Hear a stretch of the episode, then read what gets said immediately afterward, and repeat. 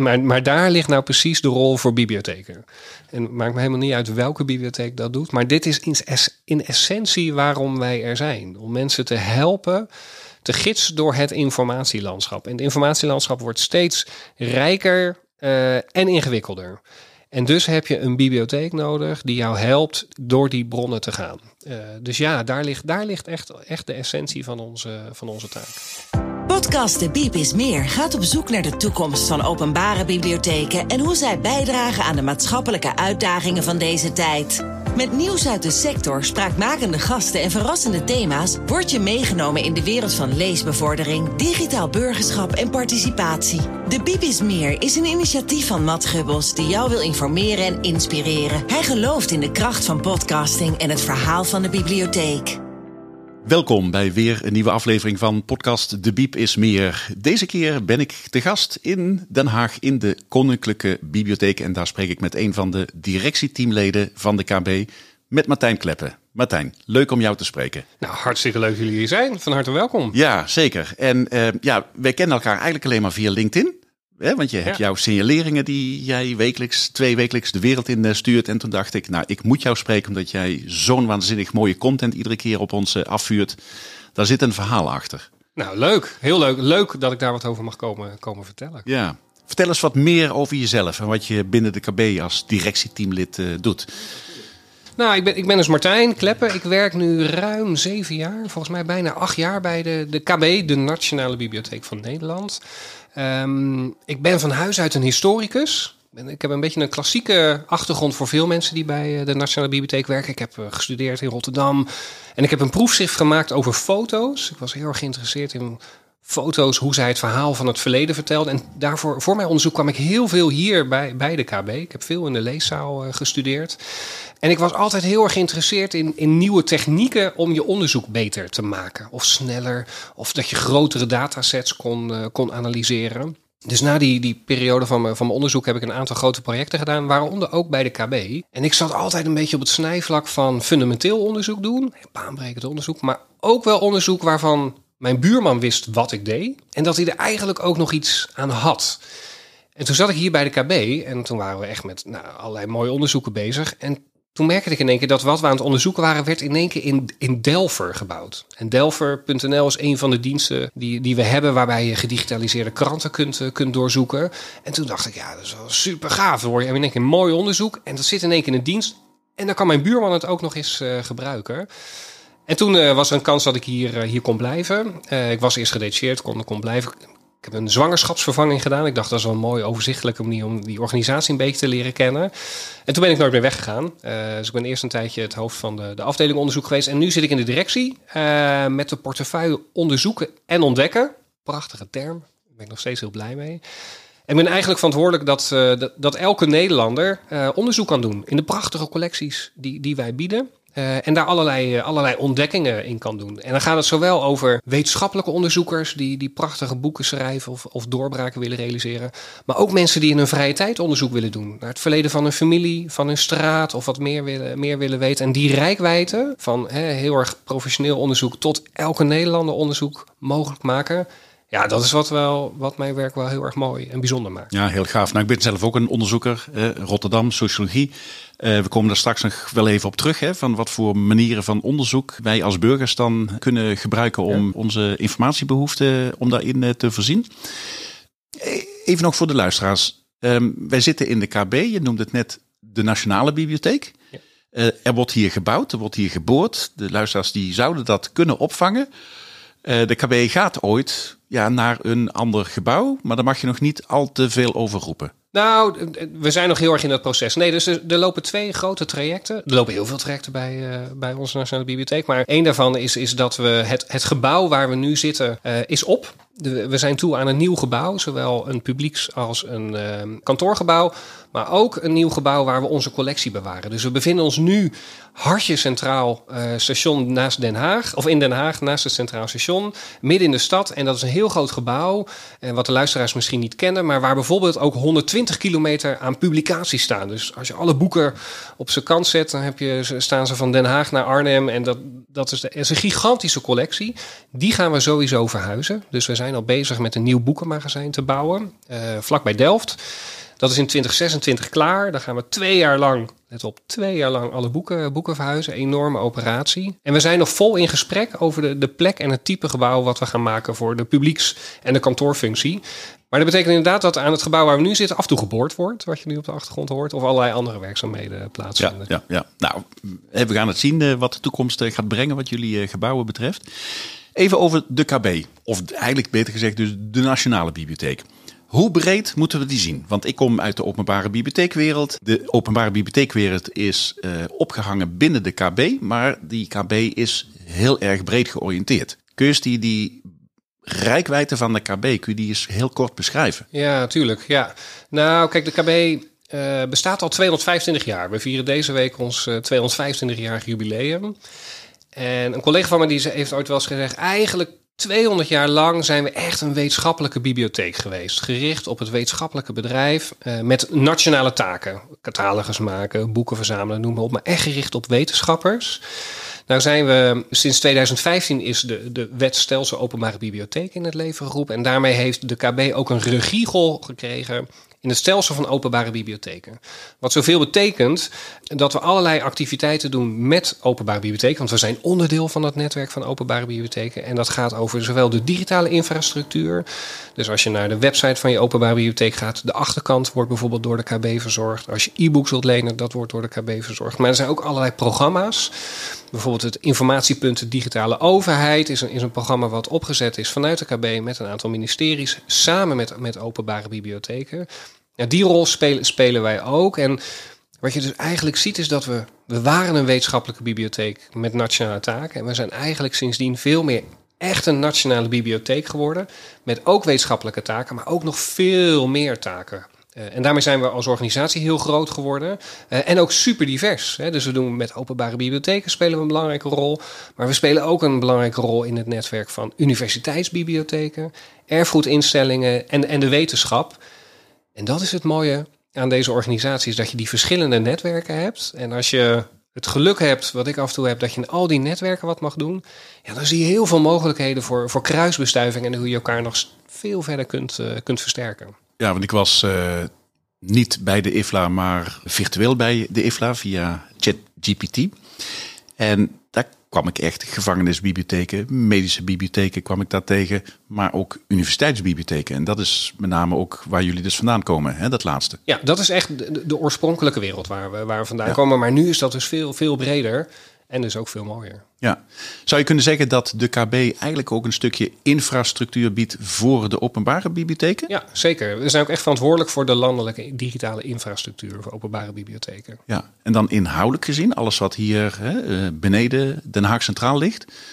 Dat is eigenlijk alles wat wij als gemiddelde Nederlandse burger, waar wij recht op hebben om dat te mogen inzien. Ja, dus dat is wel leuk om wat te vertellen hoor. Dus dat noemen wij de Nationale Bibliotheekverzameling. Dus de KB verzamelt alles in en over Nederland. Dus we zeggen wel eens heel stoer, we hebben alles wat ooit verschenen is in Nederland. Dat is niet zo, maar wel heel veel. Uh, sommige landen, of de meeste landen in de wereld, hebben een wet waarbij elke uitgever een exemplaar van zijn boek, zijn krant of zijn tijdschrift moet geven aan de Nationale Bibliotheek.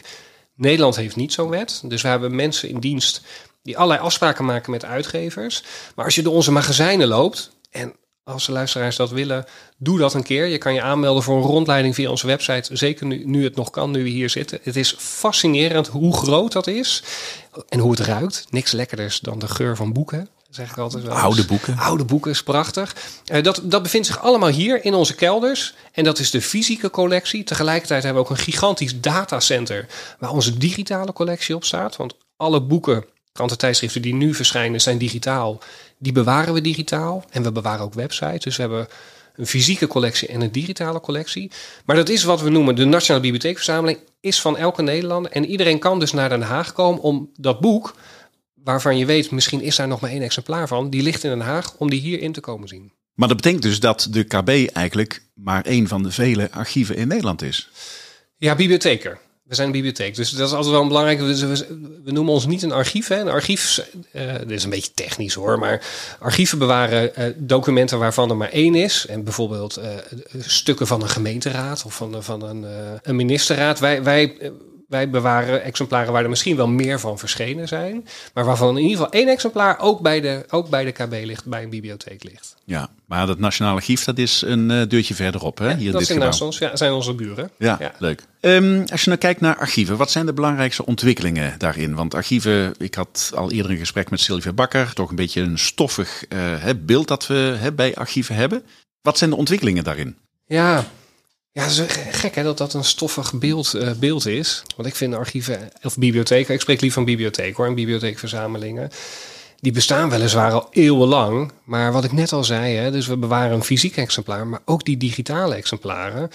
Ja, en als je dan gaat nadenken dat van elk boek dat er nu verschijnt, wij een digitaal exemplaar in ons digitale magazijn hebben. Ja, dat biedt zoveel ongekende mogelijkheden. Dat is eigenlijk ook hoe ik in aanraking ben gekomen met de KB als onderzoeker. Um, want ik was wel geïnteresseerd in boeken, maar ik was vooral geïnteresseerd in het digitale uh, object.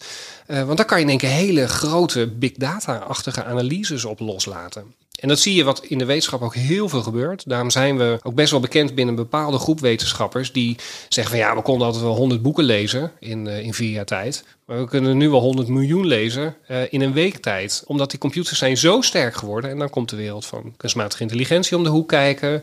Maar ook de rekenkracht van computers die heel erg is, uh, is toegenomen. En dat biedt waanzinnig veel mogelijkheden voor, voor, voor onderzoekers om, uh, om nieuwe ontdekkingen te doen. In niet 100 boeken, maar in 100 miljoen boeken. Maar het biedt ons als bibliotheek ook heel veel mogelijkheden. Want wij kunnen in één keer nadenken van... Goh, kunnen we nou nieuwe manieren ontdekken of ontwikkelen... waardoor mensen uh, veel slimmer informatie kunnen vinden... of andere type informatie kunnen vinden... of die een heel ander perspectief geeft op wat ze al wisten. En als je op die manier gaat kijken naar bibliotheken of archieven... of andere soorten erfgoedinstellingen...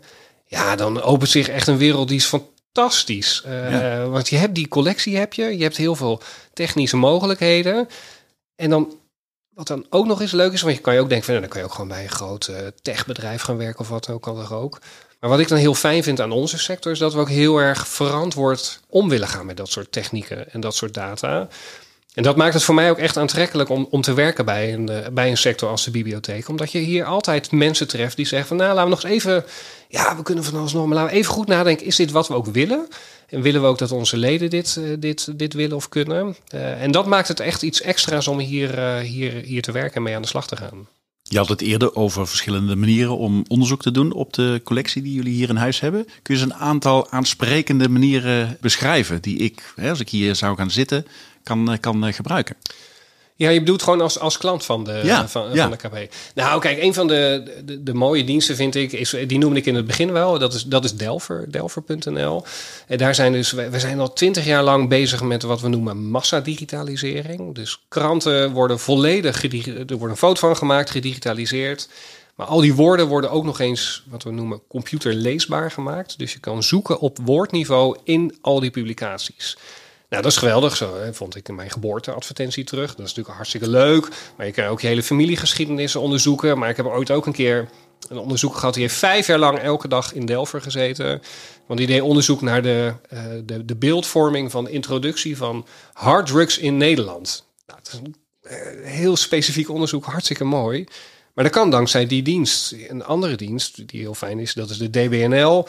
Daar staan alle kanonieke literaire werken op, ook gedigitaliseerd, kan je, kan je lezen. Maar ik vind zelf bijvoorbeeld de online bibliotheek ook echt een prachtige dienst. Die we mede mogelijk maken. Dus ik ben zelf lid van Bibliotheek Eemland. Ik woon in Leusden. Uh, bibliotheek Eemland is mijn bibliotheek. En omdat ik lid van ben, heb ik ook toegang tot de online bibliotheek. En elke avond Voordat ik ga slapen, sla ik mijn e-reader open en pak ik even een boek erbij. En uh, val ik binnen een paar minuten in slaap, want dat is mijn manier om in slaap te vallen.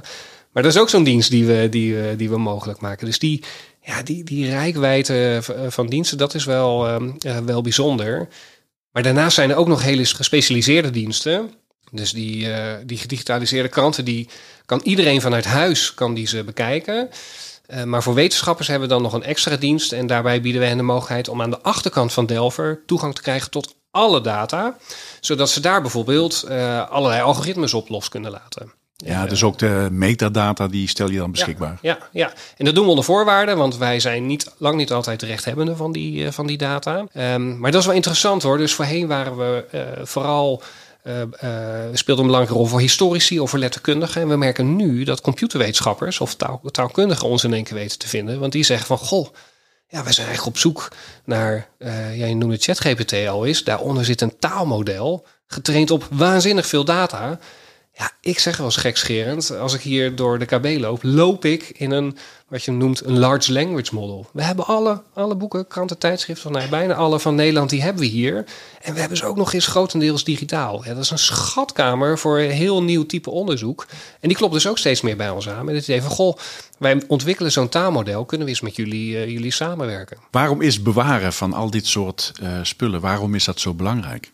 Ja, wie, wie de toekomst moet, wil begrijpen, moet zijn geschiedenis leren kennen, hè, is, is de uitspraak. Maar dat is, dat is natuurlijk wel echt zo. En kijk, wij bewaren voor de, voor de onderzoekers van de toekomst. Dus wij weten eigenlijk nog helemaal niet wat mensen morgen over een jaar of over 100 of over de volgende 225 jaar willen onderzoeken. En dat is maar goed ook. Eh, maar we hebben wel een verantwoordelijkheid dat wij nu voor hen bewaren, zodat zij hun onderzoek kunnen, kunnen doen. En dat, en dat kunnen wij nu, we hebben nu zo'n fantastische collectie, omdat 225 jaar geleden besloten is, we gaan naar zijn bibliotheek op richten. Kijk, en aan ons is nu de taak om ook continu na te denken: oké, wat, wat zouden onderzoekers van de toekomst willen weten om de wereld van 2023 te kunnen begrijpen? En daar, zie, daar zitten best wel wat uitdagingen hoor. Dus kijk, die boeken verzamelen, dat doen we al best wel lang. Maar alles wat er nu online verschijnt, dat is heel snel weg. Vluchtig. Eh, verdwenen omdat iemand zijn website of, uh, offline heeft gehaald.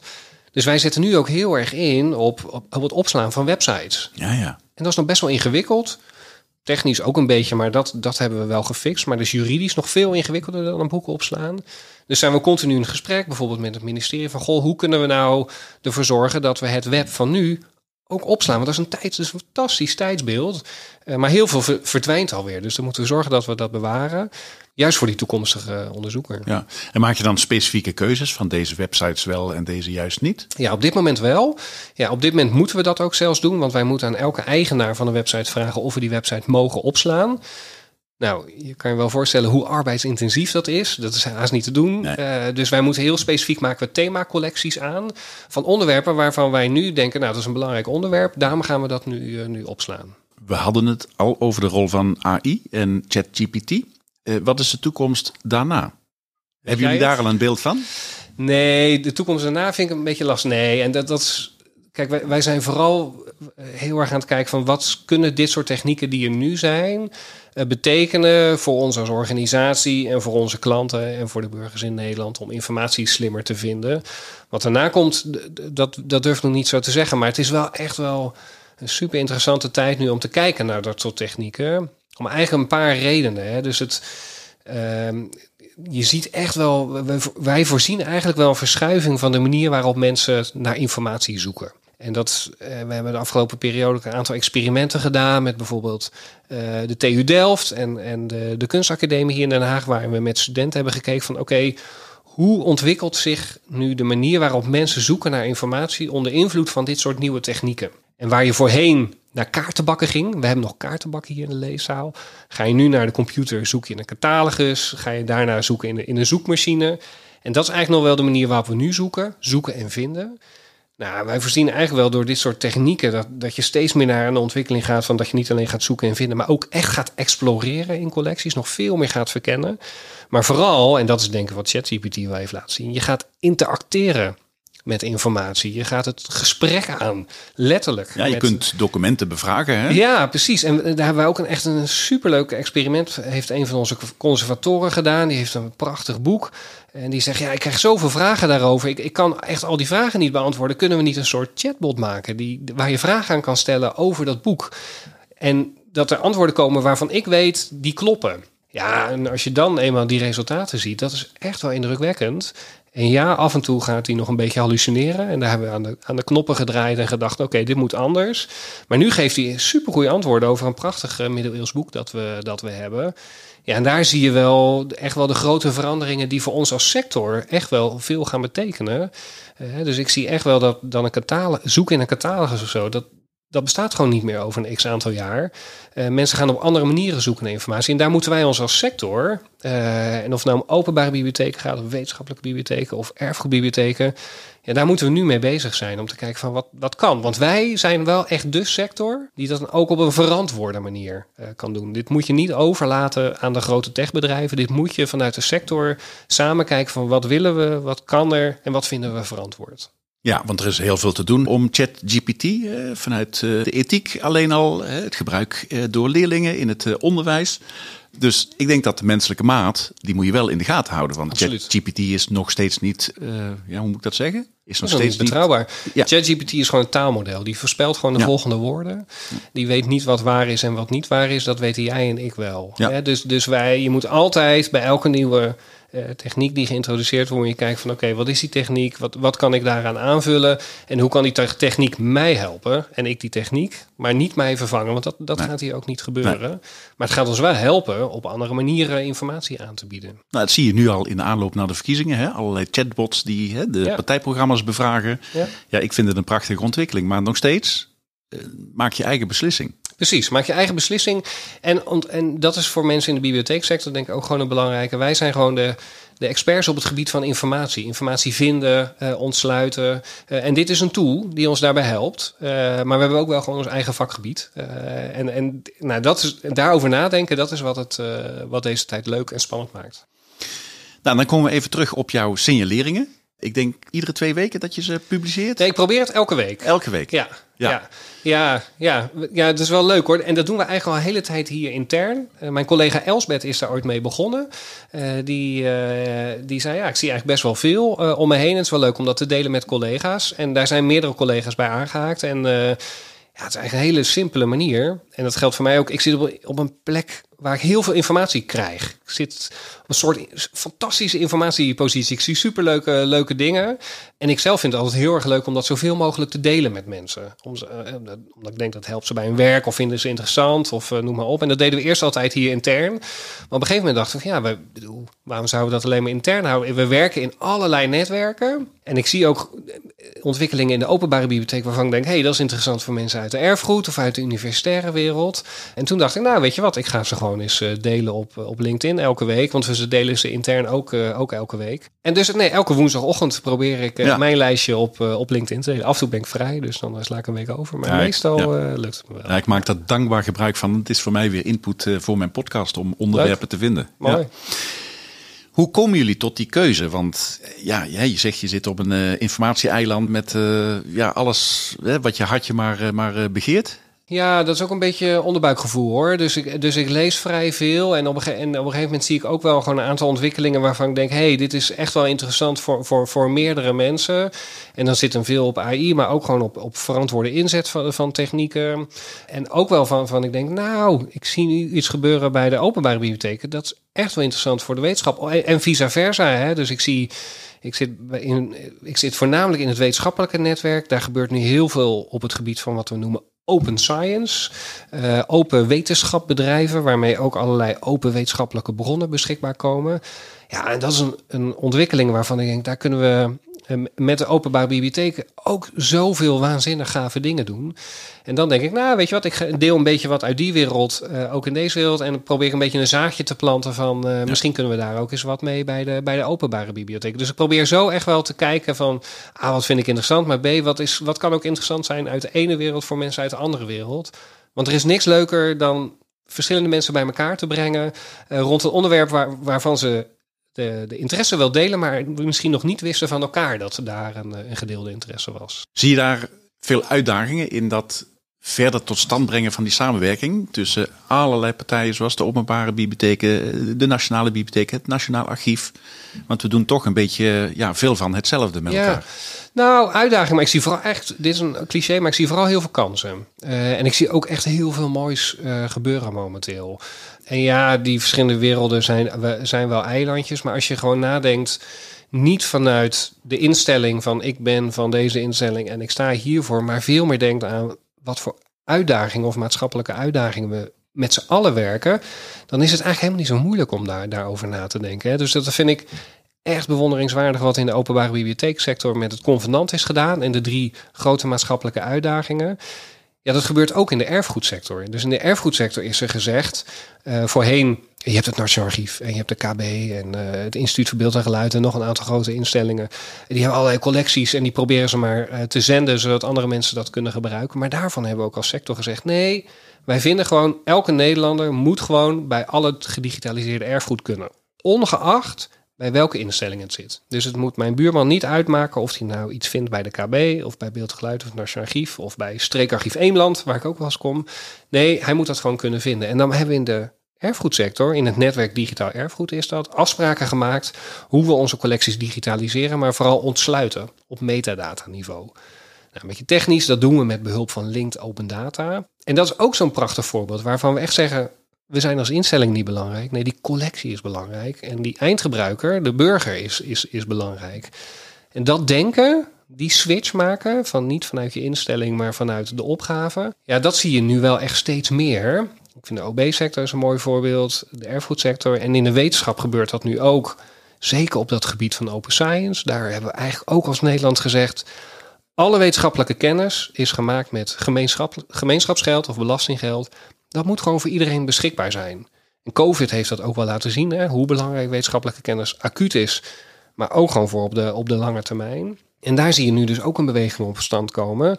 Dat de universiteiten ook zeggen van al die kennis die er is, die moet zo open mogelijk beschikbaar gesteld worden voor en voor andere uh, onderzoekers, in, uh, ook in andere werelddelen, maar ook voor elke burger die daar, uh, daar recht, toe, ja. recht toe heeft. Ja, ja want, want ondanks al die mooie ambities ligt nog heel veel informatie achter betaalmuren. Absoluut. Je moet uh, drempels over om als alumnus van de Universiteit ja. Rotterdam, waar ik gestudeerd heb, om toch nog wetenschappelijk werk tot je te nemen. Dan denk ik van nou, dan hebben we nog een behoorlijke wereld te winnen met elkaar. Hoog tijd dat we dat doorbreken. Ja, wel een gouden tip. Je kan lid worden van, nu ga ik wel zeggen, van de KB, de Nationale Bibliotheek. Voor 15 euro per jaar ben je lid en krijg je toegang tot allerlei wetenschappelijke databases.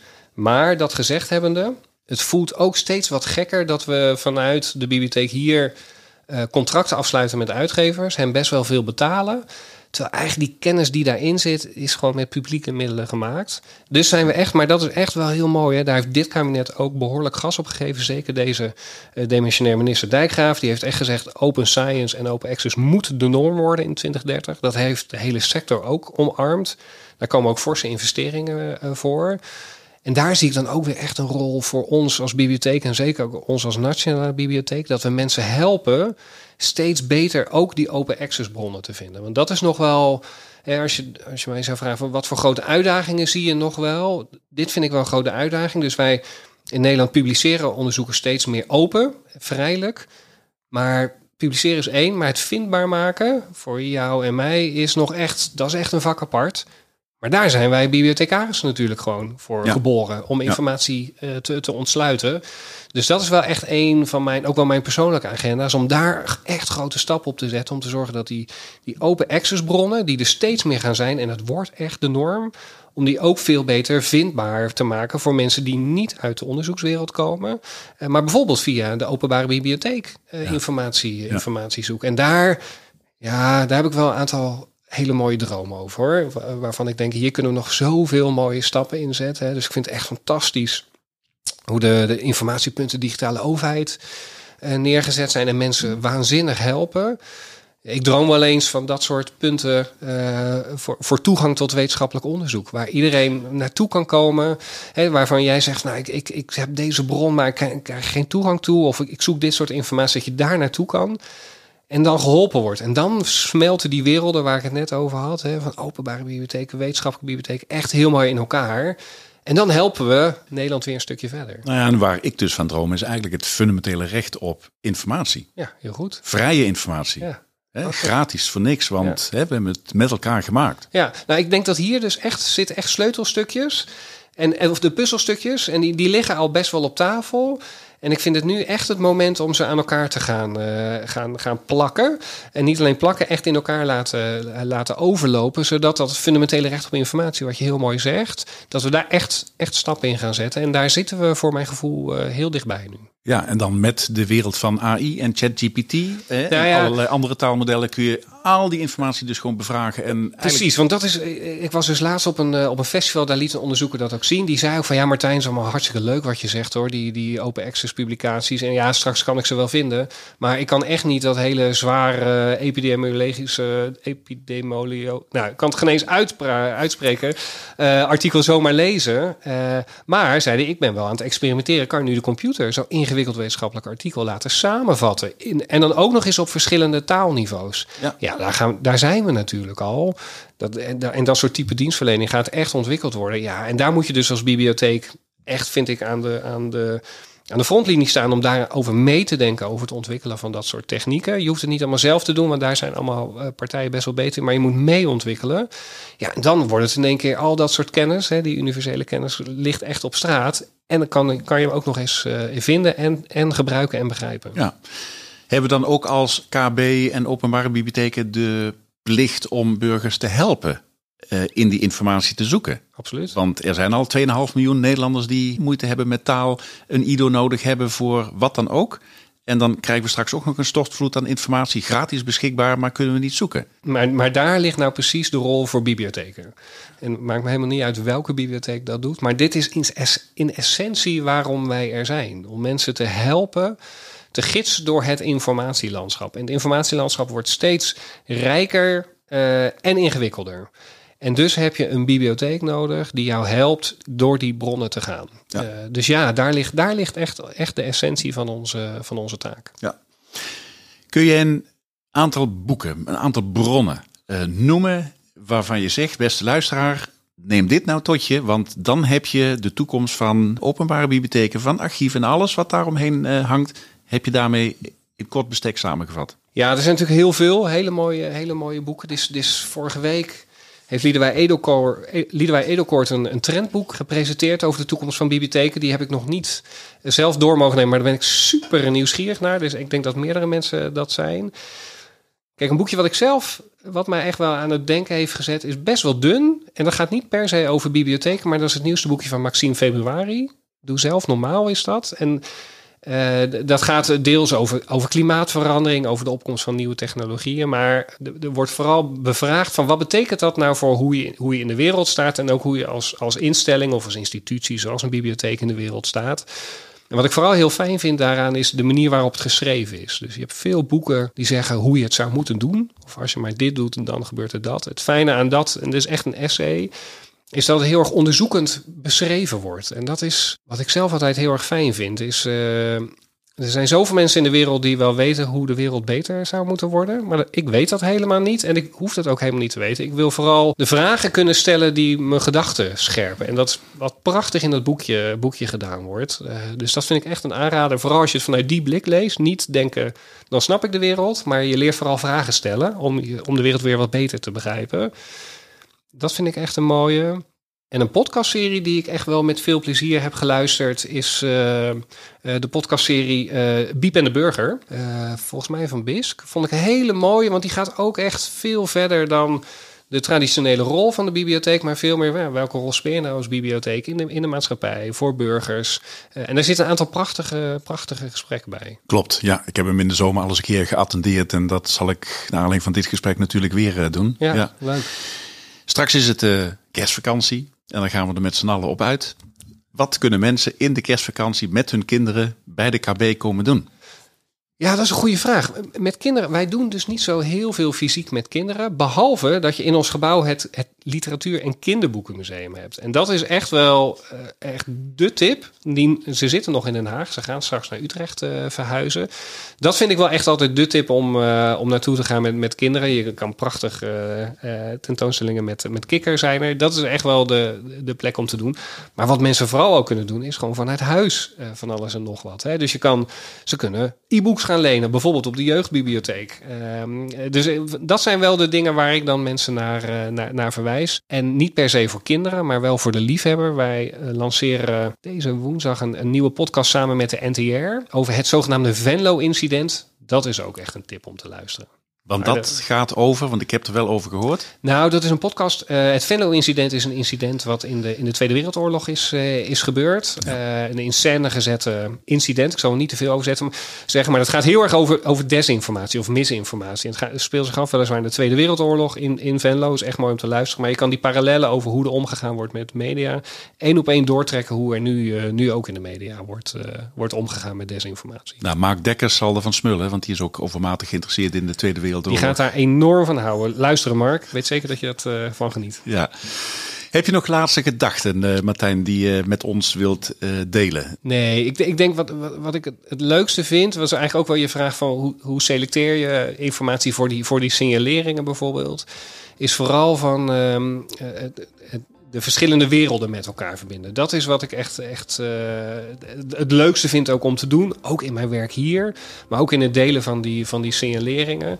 Eh, en daar wil ik ook eh, ja, luisteraars ook gewoon op, op uitdagen. Hè? Dus als je uit de bibliotheeksector of de openbare bibliotheeksector komt, probeer eens na te denken, wat, wat kunnen we nou bijvoorbeeld rond die open science ontwikkelingen, tegelijkertijd binnen die wetenschappelijke wereld van, goh, hoe kunnen we samen met die openbare bibliotheekwereld steeds verder samenwerken, zodat iedereen de informatie vindt waar ze naar op zoek zijn. Nou, dankjewel.